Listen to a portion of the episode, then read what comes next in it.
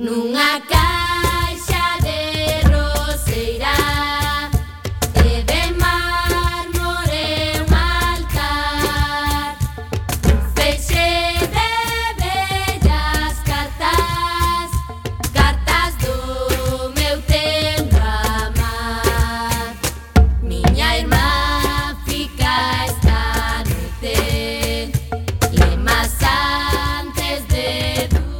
moi boa tarde Neste mes de abril sentiña recendeira. Sede benvidas e benvidos a este espazo radiofónico semanal dedicado a cultura Que facemos en rigoroso directo todos os martes ás 7 da tarde Aquí na emisora comunitaria da Coruña que non é outra que Cuac FM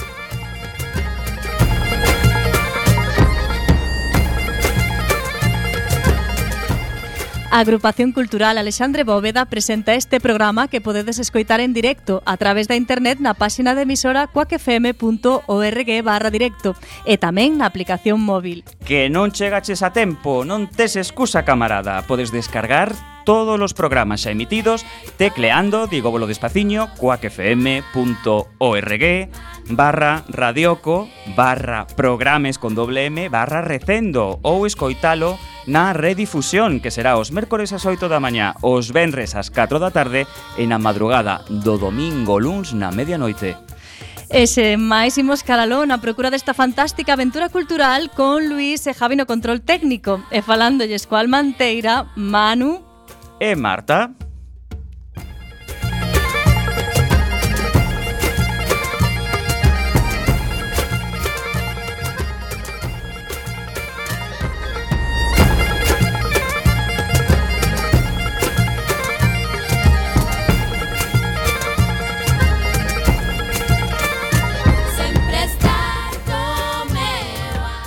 Hoxe chegamos ao programa número 284. Estará connosco Arturo Iglesias, profesor coruñés que presentou unha biografía sobre Sabela de Barreto. Que quen foi Sabela de Barreto?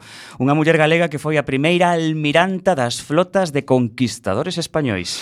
Teremos a sección de Ciencia e Tecnoloxía a cargo de Roberto Catoira que nos falará sobre Xoán López Suárez e falaremos das actividades da nosa agrupación e das outras cousas que se fan na Coruña e na Galiza e que tamén son cultura. E como é habitual, sempre un un pouquiño de música. Mentres agardamos a presentación do novo esperado disco de Mercedes Peón, que chegará nas vindeiras semanas, deleitámonos con algunhas cancións do anterior, titulado SOS, e publicado no ano 2011. Presentamos a primeira peza de hoxe que leva por título Derorán. Erorán.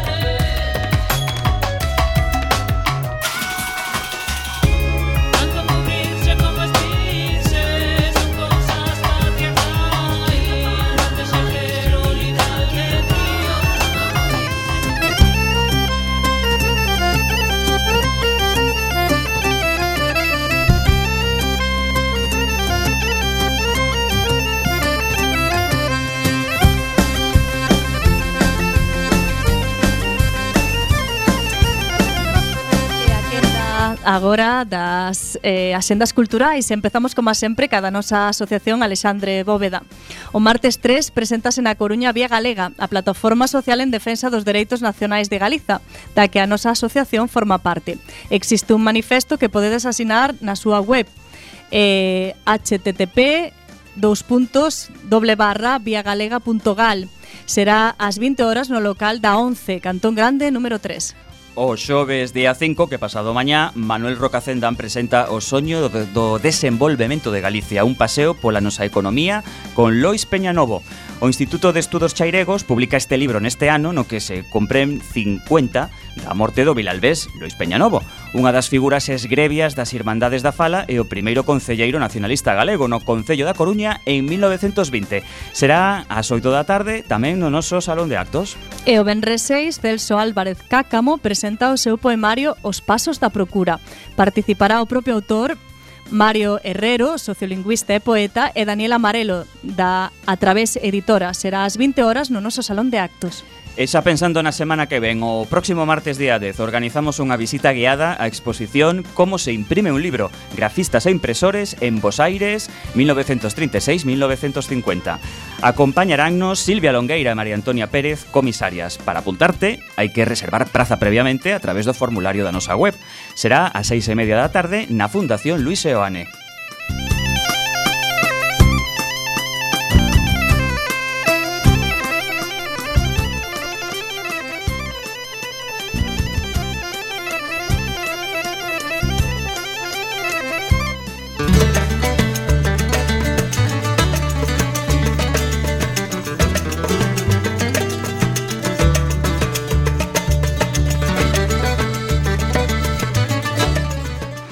Imos agora ca Xenda da Coruña e comezamos co audiovisual. Oxe mesmo podedes ver o documental do mes, titúlase A rapazas do amencer dorado, no que o cineasta Harvard Butzner se pregunta que pasou en Grecia. Será no agora ás 20 horas. E temos tamén a estrea do filme 9 de novembro dirixida por Lázaro Louzao, que é a primeira longametraxe de temática LGTBI rodada en galego e de forma case íntegra na cidade da Coruña. Será o sábado 7 ás 8 e media no Teatro Colón con entrada gratuita previa recollida da invitación, iso sí. En as artes escénicas, a compañía Teatro del Barrio pon en marcha unha triloxía de mulleres relevantes que loitaron para que a sociedade a recoñecera como iguais, con obras sobre mulleres, escrito, dirixido e interpretado por mulleres. Neste caso poderemos ver Emilia, sobre a vida de Emilia Pardo Bazán, con Pilar Gómez actuando, dirección de Ana Costa e texto de Noelia Adánez. Será o Benres 6 ás 21 horas no Foro Metropolitano. Por outra banda, a compañía galega M2 pon en escena A Leituga, un drama familiar para esclarecer quen se fai cargo dos coidados do pai que leva nove anos en coma. Actúan estrelas do teatro galego como Mercedes Castro, Antonio Durán Morris ou Federico Pérez. Será o Benres 6 e o sábado 7 ás 20.30, 8 e media da tarde noite no Teatro Rosalía. E rematamos cunha proposta de teatro infantil. A compañía Sarabela Teatro, co mellor do seu elenco, representa a obra O Último Dragón. Será o domingo 8 ás 12 horas no Teatro Colón rematamos pero continuamos porque é a quenda hora de falar das citas que temos coa música que principalmente é unha. O grupo vasco Belaco moi vos por certo ven, veñen presentar o seu terceiro disco titulado Random Inam Trivial Violence. En inglés será o sábado día 7 ás 9 da noite no Garufa Club. E o que e se queredes ver exposicións, pois esta semana, ou máis concretamente o Benres 6, rematan dúas eh, exposicións en salas da cidade. Unha é Conectividades e Intervencións Converxentes, unha colectiva na Galería Vilaseco e a outra é Gravity, de Juan Perdiguero, no, na sala Morent Art e destacamos que a mostra Muller tiña que ser sobre a presenza de mulleres na ciencia que estivo o mes pasado no agora estará durante todo este mes de abril no Fórum Metropolitano. Toda a cidade de Bebela.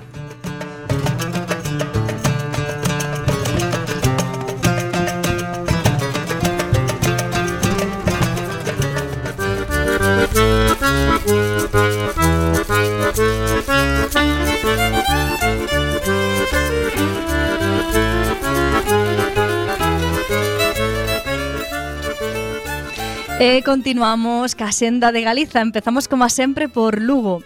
Os principais especialistas da nosa terra en ilustración xuntanse no primeiro encontro da banda deseñada histórica de Galicia, o Arde Lucus en cómic. Este venres arranca a primeira parte que vai constar de tres sesións teóricas e dous talleres, coa charla Proceso técnico e creativo da banda deseñada histórica. As actividades comenzan ás 20 horas no Museo Interactivo de Historia, na Avenida Infanta Elena, e hai 50 prazas. Baixamos un pouco e chegamos a Ourense. O ciclo de conferencias de introdución á astronomía ben pode ser unha boa maneira de iniciar unha nova actividade. Este ciclo conta cun doutor en astrofísica pola Universidade de Arizona, que sempre sona como moi importante, non? Sete títulos e un deles nada máis rematar o recendo de hoxe no Centro Cultural Marcos Valcárcel, que está situado na Rúa do Progreso número 30. E pegamos un chimpo a Pontevedra. Atopamos aquí o 19 Salón Internacional do Libro Infantil Chile Xuvenil. México é un país invitado para a edición de 2018 e teremos unha variada mostra da literatura mexicana. O tema deste ano é Mulleres de Conto e con ela preténdese render merecida homenaxe ás mulleres que conforman o mundo da literatura infantil e promover unha lectura crítica e reflexiva e con perspectiva de xénero. A partir do Benres no Pazo da Cultura. Imos ahora a capital, ata Santiago. O Día das Artes Galegas deste 2018 está dedicado ao arquitecto pontevedrés Alejandro de la Sota, unha das figuras máis recoñecidas do movimento moderno na segunda metade do pasado século. A Cidade da Cultura quere sumarse a esta celebración mediante dous talleres o sábado ás 12 media, Liñas, Formas e Volumes, dirixido a rapazada de entre 8 e 12 anos, e despois, ás 5 e media da tarde, a Casa Historia dun Cambio, para cativaxe de máis de 6. E baixamos a Vigo. Vigo Porté ven sendo un evento internacional de disciplinas de baile que inclúe o seu correspondente eh, trofeo. O concurso está dividido en tres categorías, infantil, junio, junior e absoluta. En cada categoría hai competición en catro disciplinas, urbana, lírica, folclore e fusións. Este trofeo de baile da cidade olívica desenvolverase entre o sábado e o domingo no Pazo de Congresos Mar de Vigo. Como non paramos de movernos, pois agora subimos ata Ferrol. A partir de 5 anos de idade pode verse O Camiño dos Paxaros de Magín Blanco. É unha historia de superación persoal contada a través da música da interpretación baseada na evolución dunha personaxe que debe afrontar a dureza da vida e loitar para coñecer os seus sentimentos e descubrir cal é o camiño que debe seguir para conseguir a felicidade. É a súa nova montaxe, unha peza teatral que emprega as músicas do novo disco de Magín, titulado Camiños, no Teatro Jofre o domingo día 8 ás 12 do mediodía. E hoxe, como vila convidada, imos a Maceda. Como no Umpa Lumpa lles encanta, encanta o entroido que xa pasou e que lles soubo a pouco, propoñen unha festa de disfraces desta volta de temática veneciana. Xa sabedes, que triunfe a extravagancia e as ganas de convertirnos noutras persoas. Iso é o que din desde o Café Teatro Umpa Lumpa, na rúa do Centro 16 este sábado. Música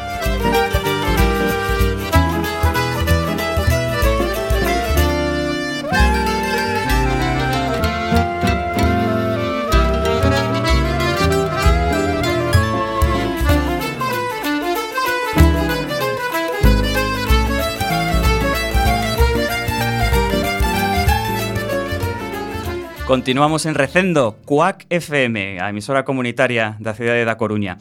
Hoxe volve visitarnos Arturo Iglesias, profesor e escritor. Naquela primeira visita, Arturo falounos do seu libro Exeria nos límites do mundo. Esta obra tentaba recuperar para a memoria eh, se, se lembrades algúns dos que nos oides eh, eh, con frecuencia, a figura olvidada de Xeria, unha muller galega que no século IV emprendeu unha sorprendente e perigosa viaxe que a levaría desde Galicia ata Exipto.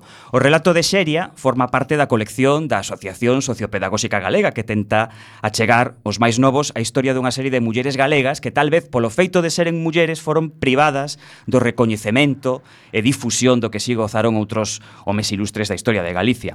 A devadita colección está a piques de contar cun novo volume esta vez titulado Sabela, Almiranta dos Mares do Sur. A protagonista deste novo libro é Isabela Barreto, a primeira muller da historia da navegación que foi nomeada almirante. A orixe de Isabela é un pouco incerta, pero o que sí sabemos é que xunto co seu marido, o descubridor e conquistador Álvaro de Mendaña, realizou a máis longa travesía polo Pacífico a bordo dunha nao. Esta viaxe levounos dende Perú ata as Illas Marquesas, que de feito foron descobertas nesta travesía, pasando polas Illas Salomón, para a continuación chegar ata Manila e de volta para México. Durante esta acción accidentada viaxe, Sabela Barreto a cada categoría de almirante despois de que o seu marido lle otorgase tal cargo no seu leito de morte. Pero para contarnos máis detalles sobre a vida de Sabela Barreto temos connosco a Arturo Iglesias. Boas tardes, Arturo. Hola, boa tarde. que tal? Como estás? Moi ben, encantado. Estás contento aquí. de volver a estar aquí connosco? Sí. Pois para comenzar, cal é a orixe de Sabela Barreto? A orixe da, da historia ou a orixe da, do personaxe te referías? Pois a, da, do, de, de Sabela, da, do personaxe. Bueno, do personaxe realmente pouco se sabe dela, non? Realmente eh, hai un só libro que fale dela, aínda que hai eh, despois documentos soltos, non, que se os investigadores atoparon, pero bueno, libro realmente que fale dela e da súa viaxe, hai un que escribe eh Quirós, no que relata precisamente esta viaxe na que fan. Non? De todos os, o resto de documentos que hai todas as novelas que se escribiron posteriormente, as, eh, todos están basados en ese, o meu tamén, claro, eh, está basado tamén en este, en este libro de Quirós, ¿no? no que relata, se titula Viaje a, a rexións austriales, eh, en el relata esta viaxe, e aí onde aparece eh, a, este personaxe, ¿no? Sabela de Barreto. Entón, todas as versións da súa orixes están, eh, ah, ins, bueno, fundamentadas sí, nese sí. único libro que fala da súa vida. Sí, o sea, en canto a, a viaxe, como sucedeu, que, que foi o que pasou nela, o carácter un pouco de Isabela, o que se conta dela, que se era autoritaria, que se era dunha maneira ou de outra, todo está basado en ese único libro, non? Despois hai investigadores que atoparon un documento sobre ela, un precisamente sobre, bueno, a, a morte dela, outro sobre, bueno, diferentes eh, momentos da, da súa vida, non? Pero moi de maneira moi eh, secundaria, non aparece este personaxe. E o que si sí se sabe que tiña unha formación superior? Non, non, en, non, esa, tampouco. en esa parte tampouco se sabe. Non? Eh, a ver, eh, parece claro que tiña que ser dunha familia pois, con, con, con, con, con cartos non e con un certo poder falase de que o pai podía ser hai varias teorías e, e falan de que o pai non podía ser un portugués que se instalou tamén na zona de Pontevedra tampouco está claro, hai diferentes opinións pero bueno, podía ser esa unha, unha delas En calquera caso, tiña que ser dunha familia con, con recursos económicos importantes, non? De feito, realmente a expedición eh, eh, a organiza a súa familia máis que máis que Mendaña, vamos. É realmente quen a subvenciona. O sea que a familia sí que se ten certa idea de que era unha familia de cartos, era bien? Sí, sí, sí, pero en calquera caso ten irmãos maiores e, sin embargo, quen toma o mando de toda a flota é ela, o sea que aparte de, de ese poder económico que tivera a familia, ela tiña que ter unhas características persoais eh, indubidables para poder... Extraordinarias. Seguramente. ¿no? Eh, cando Sabela chegou a Perú, eh, coñecemos como foi que, que coñeceu a Álvaro Mendaña? No, a, a ver, eh, Mendaña realmente xa fixera previamente unha viaxe, mm. estaban buscando o mundo nese momento está prácticamente descoberto case todo, falta por descubrir, bueno, a Antártida que ainda non se descubre hasta moito máis tarde, e Australia, Non está claro se si xa chegará outro barco precisamente desde a Coruña, o San Lesmes, non? Que que se perde hai pouco se descubren restos dunha nave desa mesma época eh, en Australia, parece que, bueno, chegarían eles antes antes de Cook, non, a Australia, que chegaran antes non quere decir nada, decir, chegaron pero non, non deron comunicado ao resto do mundo, polo tanto, eh, bueno, sería un dato simplemente anecdótico, non? Pero en calquera caso, faltaba pouco por descubrir. E o que están buscando é unhas terras máxicas, bueno, todas as viaxes que se fan en case todos os lugares do mundo son para buscar lugares máxicos cheos de ouro, non? Parece que todo o mundo que vai ali vai buscar eso. E como quedaba pouco, eh, dice que en estas terras están as illas do rei Salomón, nas que se fala na Biblia, de onde o rei Salomón collía o ouro, marfil para os seus pazos e van buscar eses, eses, eses lugares máxicos. Pero quer dizer que cada, cada viaxeiro realmente inventa inventa ou, ou, ou se cree unha historia de, alguna, de algún lugar máxico cheo de ouro ou de outros bueno, eh, el Dorado, non? o mito del Dorado tamén se, se inventa en outros lugares bueno, eso. Entón, isto que isto que contas foi quizáis a principal consecuencia para Sabela do, do seu contacto, do seu casamento con, sí. con Mendaña. Sí, Mendaña fora previamente xa chegar a estas illas, tivo que volver, eh, unha expedición que se coñece como a expedición dos catro galegos, porque eran, bueno, había tres galegos na expedición, máis o vicerrei que tamén eh, organiza parte da expedición, non? E chegarán ali, pero volveron. Eh, Mendaña durante moito tempo intenta volver, ten unha orde do, do, do propio rei para volver, e o nome é adiantado, é dicir, persoa que, que vai facer esa función de, de volver ali, pero digamos as circunstancias políticas de, de, de Perú nese momento pois non son as que el contaba e pasan anos hasta que el pode volver a facer ese, esa viaxe. Realmente non podería facela se non é por propia Sabela de Barreto, non? que parece que Quirós, que non lle ten especial cariño, aínda así eh, comenta que ela que realmente lle di eh, a, a, a Mendaña que como ten que facer para, para poder volver outra vez a esas terras. E realmente, bueno, é ela quen, quen organiza de novo unha expedición a, de descubrimento, non? Bueno, un papel un tanto activo, por tanto. Sí, sí, sí, sí, sí, sí, no, De feito, algunha, algunha frase que Quirós destaca, cando o marido que, que xa era maior e dubidaba como controlar aquela, aquel grupo de xente que se lle desmandaba un pouco, ela dille que, que colla unha espada que lle corta a cabeza que senón a colle ela e o fai, o sea que ela non, non, se, non se cortaba demasiado. non andaba para... con... Unha muller aguerrida, desde logo. sí, sí, sí. sí. Eh, sabemos que xunto con Sabela Barreto embarcaron outras mulleres, non? Algúnas crónicas de Inca hasta 98. Sí. Isto era habitual? A ver, este, esta era unha expedición un tanto especial, non? A ver, habitualmente eran expedicións teñamos en conta un pouco porque aparecen todas estas viaxes, non que realmente xurden nun momento en que se nos vamos un par de séculos un poquinho así para atrás, pero vamos moi rapidamente outra vez a, hasta este punto, non? Eh, eh, se lembramos a Marco Polo que traía os tesouros desde, desde Oriente, eh, traía as especias que eran moi apreciadas en Europa, chega un momento que os turcos cortan toman Constantinopla e cortan o camiño. Xa non poden vir as caravanas que viñan para Venecia, fundamentalmente. Entón, bueno, pois hai que ir a, a Oriente a buscar esas especies que eran moi valiosas. Os portugueses deciden comenzar a viaxar dando a volta a África, eh, Castela, claro, como se está pillado ese camiño, a única opción é ir, bueno, pois vamos a dar a volta ao resto do mundo. En principio parecía boa idea, pero topan con un, un trozo de terra no medio que é o continente americano, que non se sabía que existía, que despois empeza a ter ouro e empeza a ser valorado, pero en principio é un fastidio para, para as viaxes, porque corta a viaxe, de feito, pensemos que Magallanes o que intenta dar a volta a América para chegar ás Illas Molucas, que era onde querían ir realmente. Entón, todas as viaxes intentan chegar a, a, aí, ás Illas Molucas para coller as especies. Ese é o, ese é o, o interese fundamental. Esta expedición Eh, a diferencia desas en que van a buscar, digamos, o tesouro, tamén van a buscar tesouros, pero fundamentalmente o que queren facer é establecer unha, unha colonia, unha base eh, en, esas illas. Pensemos que van creando colonias, tanto Castela como Portugal. En este momento Castela e Portugal, toda a península ibérica é un solo reino. Bueno, un solo reino non, está gobernado por un solo rei, son varios reinos, pero eh, hai un solo rei.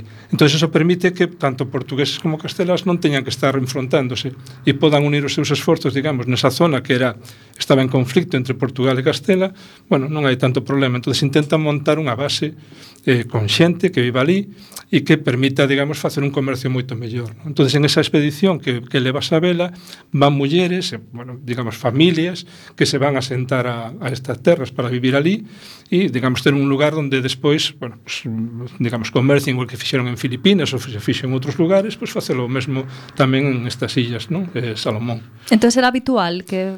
No, no, no habitualmente non. No. Habitual. Pasa que despois, sí, a ver, pensemos como pues, sucedeu en América, non? Os primeiros exploradores van únicamente finalmente a conquista e despois empezan a chegar novas naves que lo que levan son familias, mulleres, homes, familias en xeral que se empezan a sentar ali.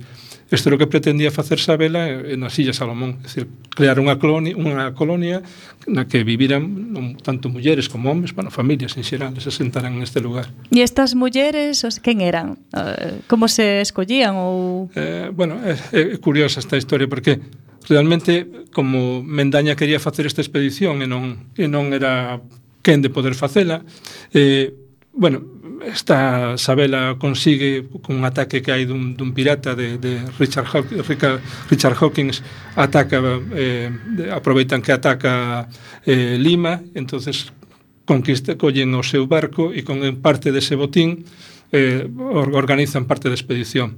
Faltaba xente, a xente estaban en Perú, había eh, as minas de ouro que había ali, para que iban ir a Silla Salomón. Entón, o que se lle ocurre unha idea ao vicerrei é, é baleirar as prisións, colla toda a xente que está en prisión e embarcan.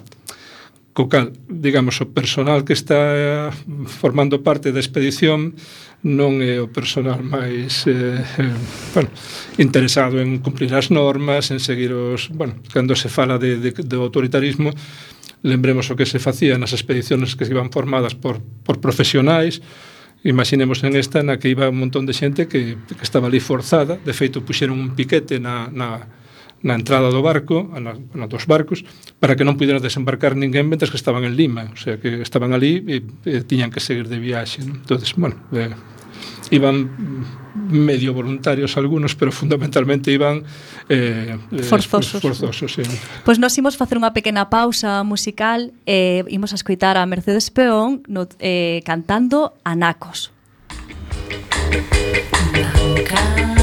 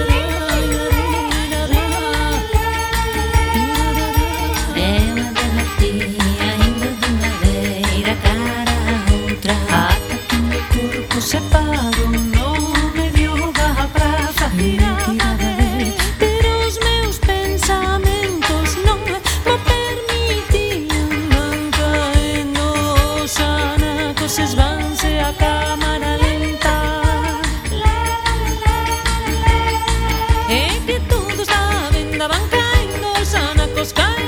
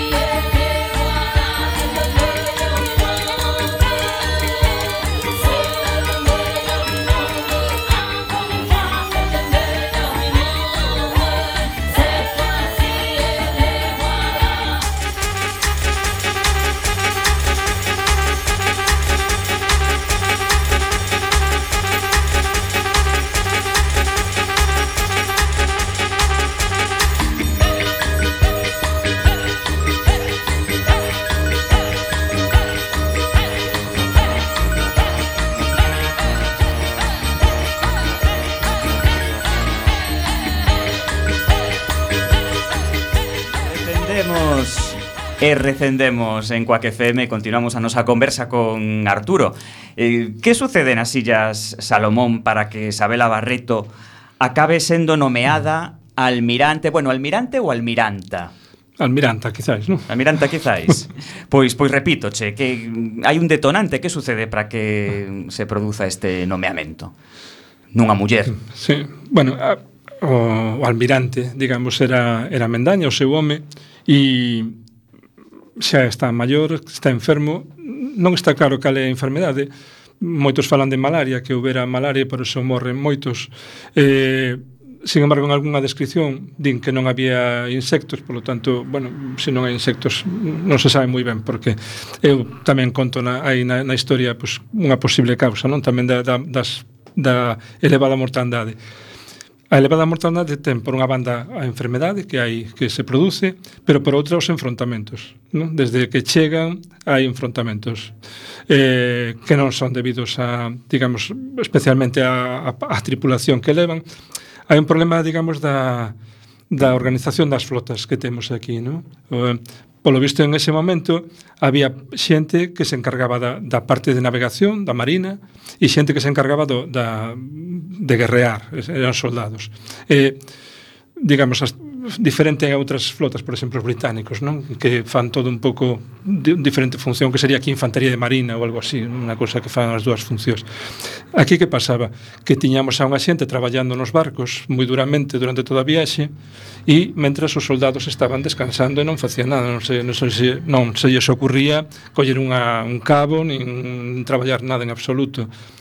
Eh, claro, tampouco tiñan autoridade ningunha De repente, tan pronto chegan a terra, o xefe militar, digamos, dos soldados, pasa a ser o xefe realmente daquel lugar que acaban de chegar, e o mando, digamos, da Marina, pois perde todo o seu, toda a súa autoridade. E aquí, segundo describe o propio Quirós, parece que houve problemas de egos entre un xefe e outro xefe e, bueno, houve enfrontamentos e, eh, e combates entre os propios eh, membros da, da tripulación e varias mortes, non? Mataron, de feito, ao xefe ao xefe de, de, dos militares, non? Eh, en combates entre os propios eh, expedicionarios. Despois tamén tiveron combates coa xente que había ali, había combates con todo o mundo. Bueno, bueno, que, que ganas de guerrear. ¿eh? Sí. Gustáballes, gustáballes guerrear, sí. Sí. Hai que ver. Eh, de todas formas, a pesar mm, diso, eh, pensando nesa época, eh, como conseguiu Sabela, sí. contra vento e marea, nunca mellor dito, pois pues manter mm. autoridade que, da, da, que, sí. da que gozaba? A ver, O feito de que a nomen a ela, eh, de feito, se se lee algún libro, incluso algún libro de, de autores que, que investigaron, o meu libro é unha, unha novela un pouco dirixida a rapazada nova, non? E, polo tanto, non é un libro sesudo sobre o tema, ni moito menos, ni pretende serlo, non? Pero xente que o fai eh, eh desprestixe un pouco a Sabela, dicindo que realmente ela eh, foi almiranta porque era a muller de, do almirante e cando morreu, pois, pues, o nomeou. A ver, con este criterio, desvalorizamos gran parte dos expedicionarios que temos. Lembremos que, non sei, eh, por, dar, por poñer un exemplo, eh, quen deu a primeira volta ao mundo, el Cano, eh, foi xefe porque morreron 16 antes que él e foi e quedaban 18 e el era pois, pues, dos 18 un deles vamos. moitos xefes eran así é dicir, de feito Mendaña é xefe desta expedición porque era o sobrinho do vicerrei Dizer, tampouco é que fora un cargo que obtivera pola súa coñecemento da, da navegación e nada por o estilo. Entón, por lo tanto, ela o consigue, evidentemente, por ser muller de, de quen é, pero, bueno, un pouco no, na línea desa época, decir, calquera collía o mando, pois porque tiña un, un, un determinado status económico, social, político, etc., e, e collía o mando despois. Sí que tivo que, que facer valer o seu, a súa autoridade, non? Eh, de feito, cando a poñen como autoritaria tamén chama atención, non? Porque eu creo que me parece que solamente que eu recorden, lembro ahora, me parece que solamente manda matar a unha persoa, o sea, directamente, por desobedecer unhas ordes, non? De feito, tamén lles proíbe utilizar a auga, que dice que a utiliza ela para lavar a súa roupa e nada máis. Pero lembremos que Magallanes, por unha revolta mm, moito menos importante, eh, descuartiza a cinco dos xefes que estaban ali, deixa non sei cantos en terra, quer dizer que, que este, esta maneira de, de, de manter a autoridade era propia da época digo que se xa vou a facerlo deste xeito pero vamos, que non é nada diferente do que facían outros mandos militares en ese momento vamos Supoño que para ela lle resultaría moito máis difícil, o sea, nome, unha vez que foi nomeada, despois manter esa autoridade sería complicado. Non? Sí, sí, sí. A ver, de feito, pensemos que tan pronto chega, o primeiro que fai cando chega de volta da viaxe, o primeiro que fai é casar xa. Eh, non parece unha muller que lle fixera falta especialmente casar, non? Parece, e isto é unha suposición, evidentemente non sei por que o fixo, non?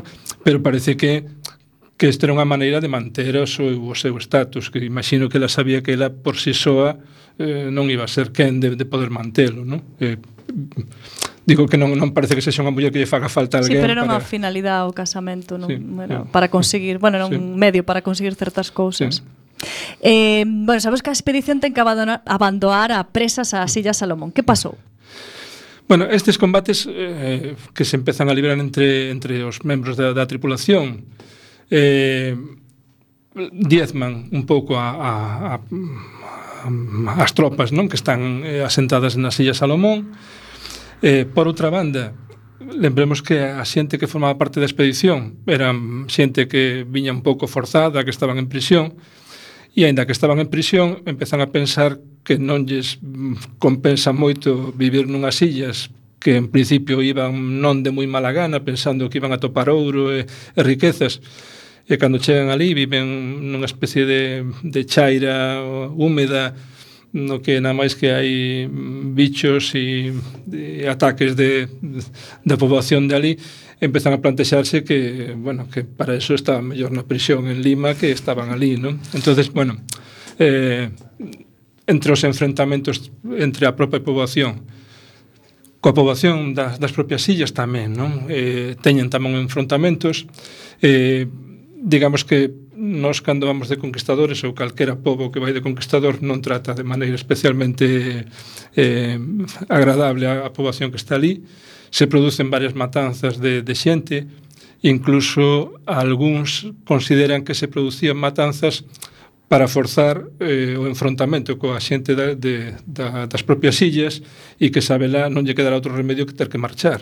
É dicir, parece que algunha das matanzas que se produce, de feito, con algunha das dos xefes co que tiña moi boa relación, non? A expedición, eh, que aparece morto, bueno, unha, unha racia que fan ali os soldados, eh, comenta o propio Quirós que seguramente está provocada para, para, para provocar a carraxe non? Da, da xente que vive nas illas, que se enfronten aos, aos expedicionarios e que non lles quede outra que sair.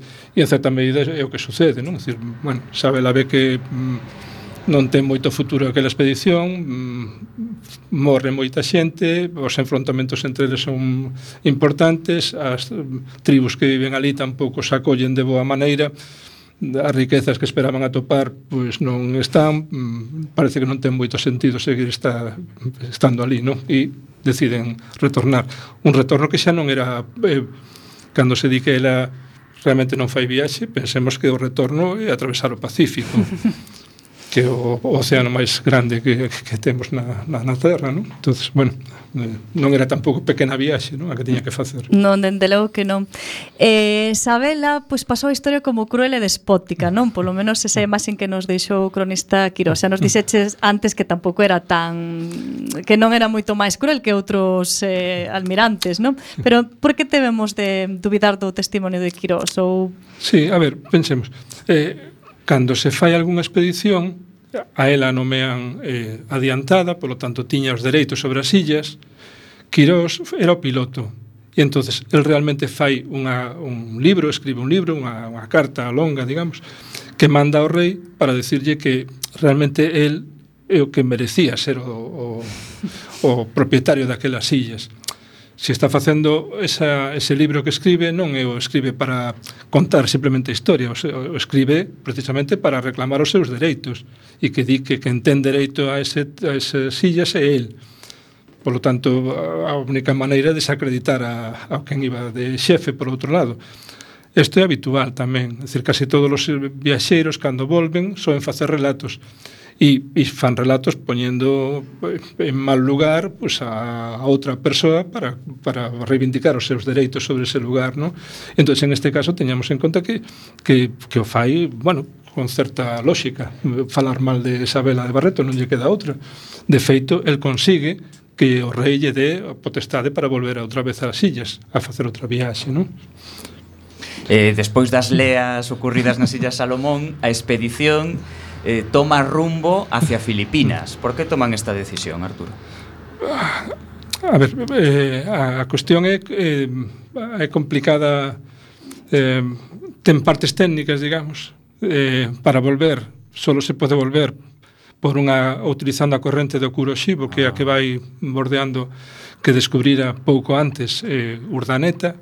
Lembremos que antes, cando, cando chegaron as illas eh, Filipinas e a, e a Salomón e a, ao Maluco, non? que era, principalmente querían chegar, o problema que tiñan é que non se podía dar volta.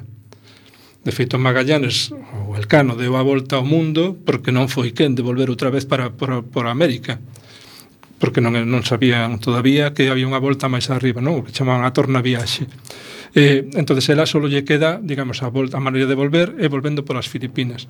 Pero nese momento había tamén a idea de que os xaponeses, estaban intentando ocupar eh, de feito hai pouco non se descubre unha, unha posible expedición chinesa e outra xaponesa non que intentaban ocupar tamén as Filipinas eh, entón tamén era un viaxe, unha viaxe con risco non tiña moi claro se cando chegaran ali sería territorio portugués, eh, castelán, bueno, daquel ibérico nese momento, non? Porque nese momento é eh, territorio ibérico ou estaría tomado xa polos xaponeses, non? De feito, tamén nas propias Filipinas, cando se achegan eles, pensan que que si o barco que chega será un barco xaponés que ven a atacar ali, non? Non, non teñen claro. E eh, sabemos cales eran os coñecementos de navegación da propia Sabela? a ver, parece que non tiña especialmente, non parece que os, o que tiña realmente coñecementos de navegación era o piloto, mm. pero que era, era habitual desta maneira, eh? o seu home Mendaña tampouco tiña ningún coñecemento, decir, non pisara un barco, mas que cando chegou a América para ir hasta ali, non, e era o almirante da flota. Ben, imos facer outra pausa de novo. Nesta ocasión non é unha pausa musical. Temos agardando a nosa sección de Ciencia e Tecnoloxía. E esta é a súa sintonía. Quero alcanzar a cúpula máis alta Avistar da torre a Vía Láctea. Sumir o negro das colunas, resplandecer en lámpadas de gas. Eu astronauta lírico en terra. Tecnoloxía recendeiras, de quen imos falar hoxe? Pois hoxe imos falar de Xoan López Suárez, Xan de Forcados, que xogou un singular papel na modernización científica de Galicia. Algúns expertos, de feito, o califican como galego de maior incidencia no noso desenvolvemento científico. Naceu no Concello Lucense do Sabiñao en 1884 e morreu en Madrid no 1970. É que é incrível, non deixamos de coñecer personaxes do máis asombroso. Eh, contanos, cales foron os seus estudos e eh, eh, as principais ocupacións? posteriores. Pois relazou, realizou os estudos de bacharelato no Colexio dos Escolapios de Monforte, que rematou en xuño de 1900. Logo iniciou a carreira de Medicina en Santiago, sendo compañeiro de Roberto Novoa Santos e Alejandro Rodríguez Cadarso. Fixo os dous últimos cursos en Madrid, onde se licenciou en 1907. Logo foi un dos primeiros bolseiros da Junta para Ampliación de Estudos, tamén conocido como a JAE, e un dos que estadía máis ampla no estranxeiro. Estivo en Estrasburgo, Berlín, Múnich, Frankfurt, Heidelberg, Londres e Cambridge. A súa tese de doutoramento sobre a relación entre o traballo da mucosa gástrica e a reacción da orina foi presentada en 1913 na Facultade de Medicina de Madrid. Despois diso, marchou para os Estados Unidos en 1916 e permaneceu máis de dous anos na Fundación Rockefeller de Nova York. Bueno, estamos abraiados, que os saibas, eh? Contanos que papel fixo na, na Junta de Ampliación de Estudios. Pois a volta dos Estados Unidos dirixiu ao Laboratorio de Bioquímica da Junta de Ampliación de Estudios e el foi a persoa que acadou un papel sobranceiro como axente dinamizador e representante de facto da Junta de Ampliación de Estudios en Galicia. A JAE levou a cabo un novo e intenso esforzo para a formación cualificada de investigadores e docentes que transformarán o precario panorama científico existente. Os bolseiros nutrían a rede de coñecemento e as institucións do resto do sistema científico. Foron eles quen asentaron as novas institucións creadas pola JAE, como por exemplo a Misión Biolóxica de Galiza, a Estación de Biología Marina, Mariña e Marín, a Comisión de Estudios de Galicia e así como outras tantas. Tamén axudaron a renovar as xa existentes ou constituídas neste tempo como foron a Universidade de Santiago, a Granxa Agrícola, o Laboratorio Oceanográfico de Vigo, a Estación Fitopatolóxica ou colaboraron tamén con outras como eran xa o Seminario de Estudos Galegos. Juan López Suárez axudaría a moitos galegos para obter bolsas. Podemos poñer exemplos como Isidro Parga, Pondal, Fernández Armesto, García Isabel, Castelao, Valligay ou Vicente Risco. Non, non está nada mal. Eh, eh, como xa coñecemos esta sección, aínda nos vas dicir que ten máis proxectos destacados. Sí, porque xa han deforcados, pois parece ser que non, non lle gustaba moito estar quieto. Tiña unha grande iniciativa e habilidade na detección de talento e en 1913 coñeceu a Cruz Gallastegui, en 1917 a López Suárez, que daquela xa estaba no Instituto Rockefeller de Nova York e levou a Gallastegui a Norteamérica a estudiar xenética aplicada á agricultura cos científicos máis importantes desa disciplina. Cando en 1921 Gallasteguis volve a España, López Suárez xa lle tiña creada a misión biolóxica en Galicia. Mais adiante, en 1920, a JAE, nun dos seus primeiros xestos descentralizadores, fixera pública a intención de crear laboratorios científicos en provincias. Grazas a iso, creouse a misión biolóxica de Galicia que estaría entre 1921 e 1926 en Santiago e despois iría para Salcedo, en Pontevedra, Pontevedra, onde permanece na actualidade. O home chave do proxecto foi Juan López Suárez, que favoreceu a disposición da JAE a establecer os laboratorios en provincias e animou a Sociedade Económica de Amigos do País para realizar a petición e escoller o seu amigo Cruz Gallastegui como director e axudante na, nesta labor. López Suárez colaborou co Seminario de Estudios Galegos con quen organizou a excursión de 1927 os Ancares, favoreceu xestións polos laboratorios e apoiou varias iniciativas como a catalogación arqueolóxica da comarca de Lemos e o estudo das mámoas de Sabiñao. E isto é todo o que hoxe imos eh, aprender con, eh, sobre Xoan das Forcadas e lembrade que toda esta información foi recollida no álbum da ciencia, o portal sobre a ciencia do Consello da Cultura Galega que é coordinado por Xosé Antonio Fraga e foi o noso compañeiro Roberto Catoira que entivo pois a deferencia e o prazer de facer esta síntese de toda esta vida que, que tivo Xan de Forcados que como, como bichedes é moi longa e, e chea de, de actividade. Moi interesante, como sempre, Javi. Moitas gracias a vos. Continuamos en Recendo en Coac FM eh, e abordamos xa os últimos minutos desta a nosa conversa con Arturo Iglesias. Eh, quedáramos en que a expedición tomara rumbo ata Filipinas. Ali Isabela casa outra vez, eh, menos dun ano despois da morte do seu primeiro marido. Que nos podes contar deste novo matrimonio? Sí, era o que vos decía, non? Me parece que era unha muller con, con bastante personalidade, polos, pola descripción que se fai dela, non? Non, non parece que sexa unha muller que, que precisara de, de un home ao seu lado para, para, para tomar as súas decisións.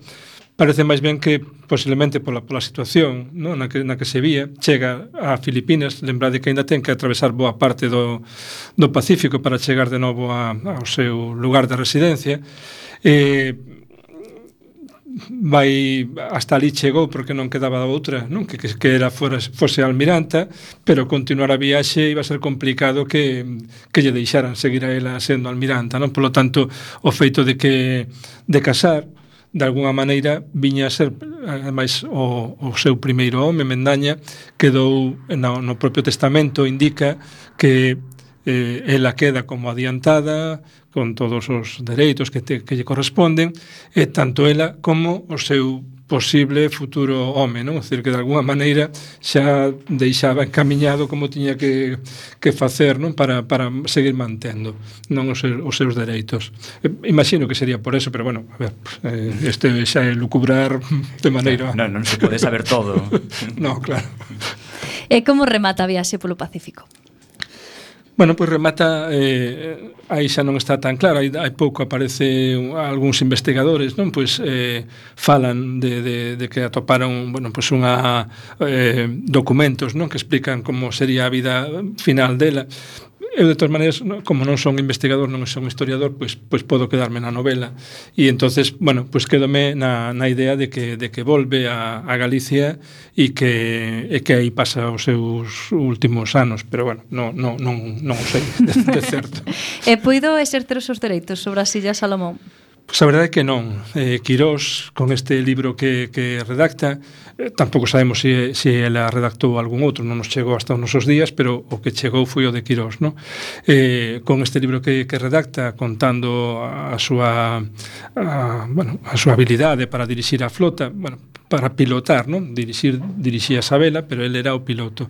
Eh, pois reclama que el realmente o que foi quen de levar a flota hasta hasta o último lugar. Eh, non non quero quitar ni moito menos mérito, non, ao que tería Quirós, que seguramente foi un, un, un hábil piloto para para levar a flota hasta hasta o último porto, non? Pero bueno, entendo que igual que tampouco nos poñemos a discutir quen era o piloto cando chegou Cristóbal Colón a América, pois bueno, pois sí, habría que mirar en algún libro, non? Se non estamos moi moi enterados. Eh, fálase de, de, da persoa que foi o almirante, o que decidiu levar que deu as ordes. O piloto, pois, un pouco é o técnico que controla, que sabe do mar, que sabe de como navegar, que sabe dirixir esa flota, pero... Eh, Bueno, en calquera caso el reclamou e volveu, non? De feito, Quirós fixo máis descubrimentos posteriormente, non? Seguiu viaxando máis, máis veces, non? Uh -huh. Eh, podemos aventurarnos a sinalar onde foi soterrado o seu corpo ou tampouco se sabe? Eh, hai, hai, hai pouco, hai, hai, hai investigacións, non? Hai algunha xente que fala de, de que está de que morreu xa en Perú e outra xente que fala de que volveu incluso a, a Galicia máis adiante, non? Bueno, ímolo deixar como eu falo de que volveu a Galicia e vos decir que volveu a Galicia logo. Eh, nestes últimos anos eh, sei que houve varias investigacións a propósito da figura de, de Isabela e tamén se publicaron algúns libros centrados na, na súa figura. Sí. Mm, podes pensar nalgún motivo polo cal hai este recente interese na figura de Isabela? A ver, o personaxe realmente se si un le a, a historia é unha novela, non? Parece que estaba, parece que o que facía falta era un bo escritor ou varios bons escritores que o fixeron, non? Eh, Robert Graves escribe unha, unha novela sobre sobre Isabela, se titula eh, As illas da imprudencia. Eh, Pemón Bouzas tamén escribe outro informe Manila, non? Eh, en castelán, eh, non, non escribe en galego, pero eh, tamén escribe outra outra obra. Hai eh, algún viaxeiro que, que fai todo percorrido, pero xa a nivel, digamos, máis ben documental, máis que de novela, eh, pero le, leer o propio libro de Quirós, eh, realmente eh, é ler unha novela de aventuras, aínda que el realmente está facendo un relato de, de, dun feito real, non? Uh -huh. E que era o que máis te interesaba destacar da historia de Isabela? Eh, a, a ver, eh, A historia é interesante, non? Eh, facía falta un bo escritor, non digo que sexa, pero, digo, pero, pero facía falta que, que xente que escriba, non, sobre A min realmente non, eu non son escritor, non? Eu son profesor, son escritor no sentido de que escribo unha novela, non? Pero pero non son unha persoa que, que teña especial, digamos, o meu eh, leitmotiv para escribir non é eh, unha persoa que, que quere escribir novela. Non? Eu creo, creo que o que quero é destacar personaxes do noso país e contar historias do noso país. Non? Eh, eu viña ahora, subía para aquí, para a radio, e vexo aí unha, unha escola que se anuncia que pon o texto en castelán e debaixo en inglés, e digo, jo, non? O sea, temos unha historia, unha cultura e, e, e estamos esquecendo xa non só polo castelán, sino polo inglés ti vas a Londres e non ves nada que non este escrito en inglés, non o poñen nin, nin en ningún outro idioma. Se si queres, aprendes o seu idioma. Entón, eu creo que temos que contar a nosa historia desde o noso, eh, desde o noso punto de vista, non? Se un mira, busca historias historias de, de, de, do mar, por exemplo, e lee historias inglesas, non aparece ningún viaxeiro noso.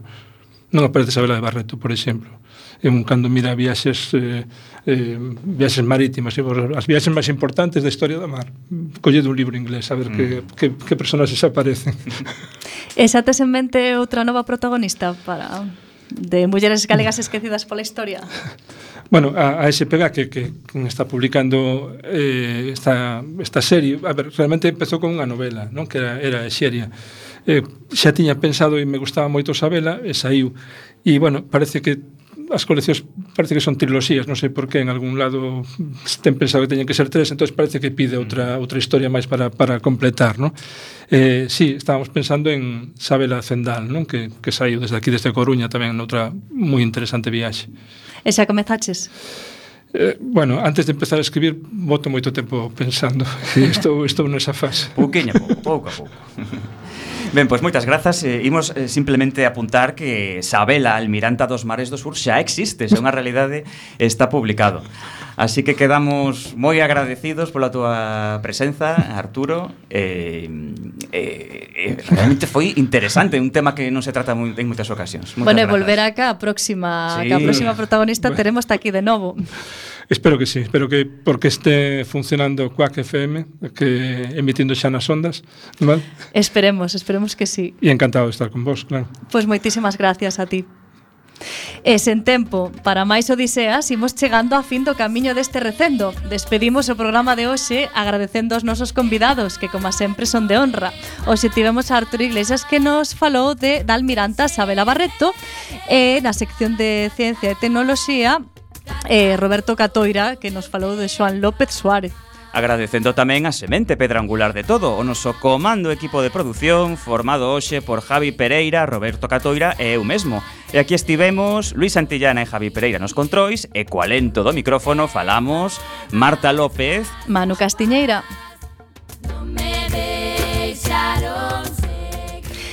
acompañándote neste recendo de palabras e de imaxes radiofónicas que nos traen este aroma cantado na nosa lingua e que nos permite hoxe e tamén no futuro a permanencia da palabra, da música e da implicación e o compromiso coa nosa nación, a Galiza. A vindeiro martes a 7 da tarde en directo nesta emisora Coaque FM da Coruña, xa sabedes, recendo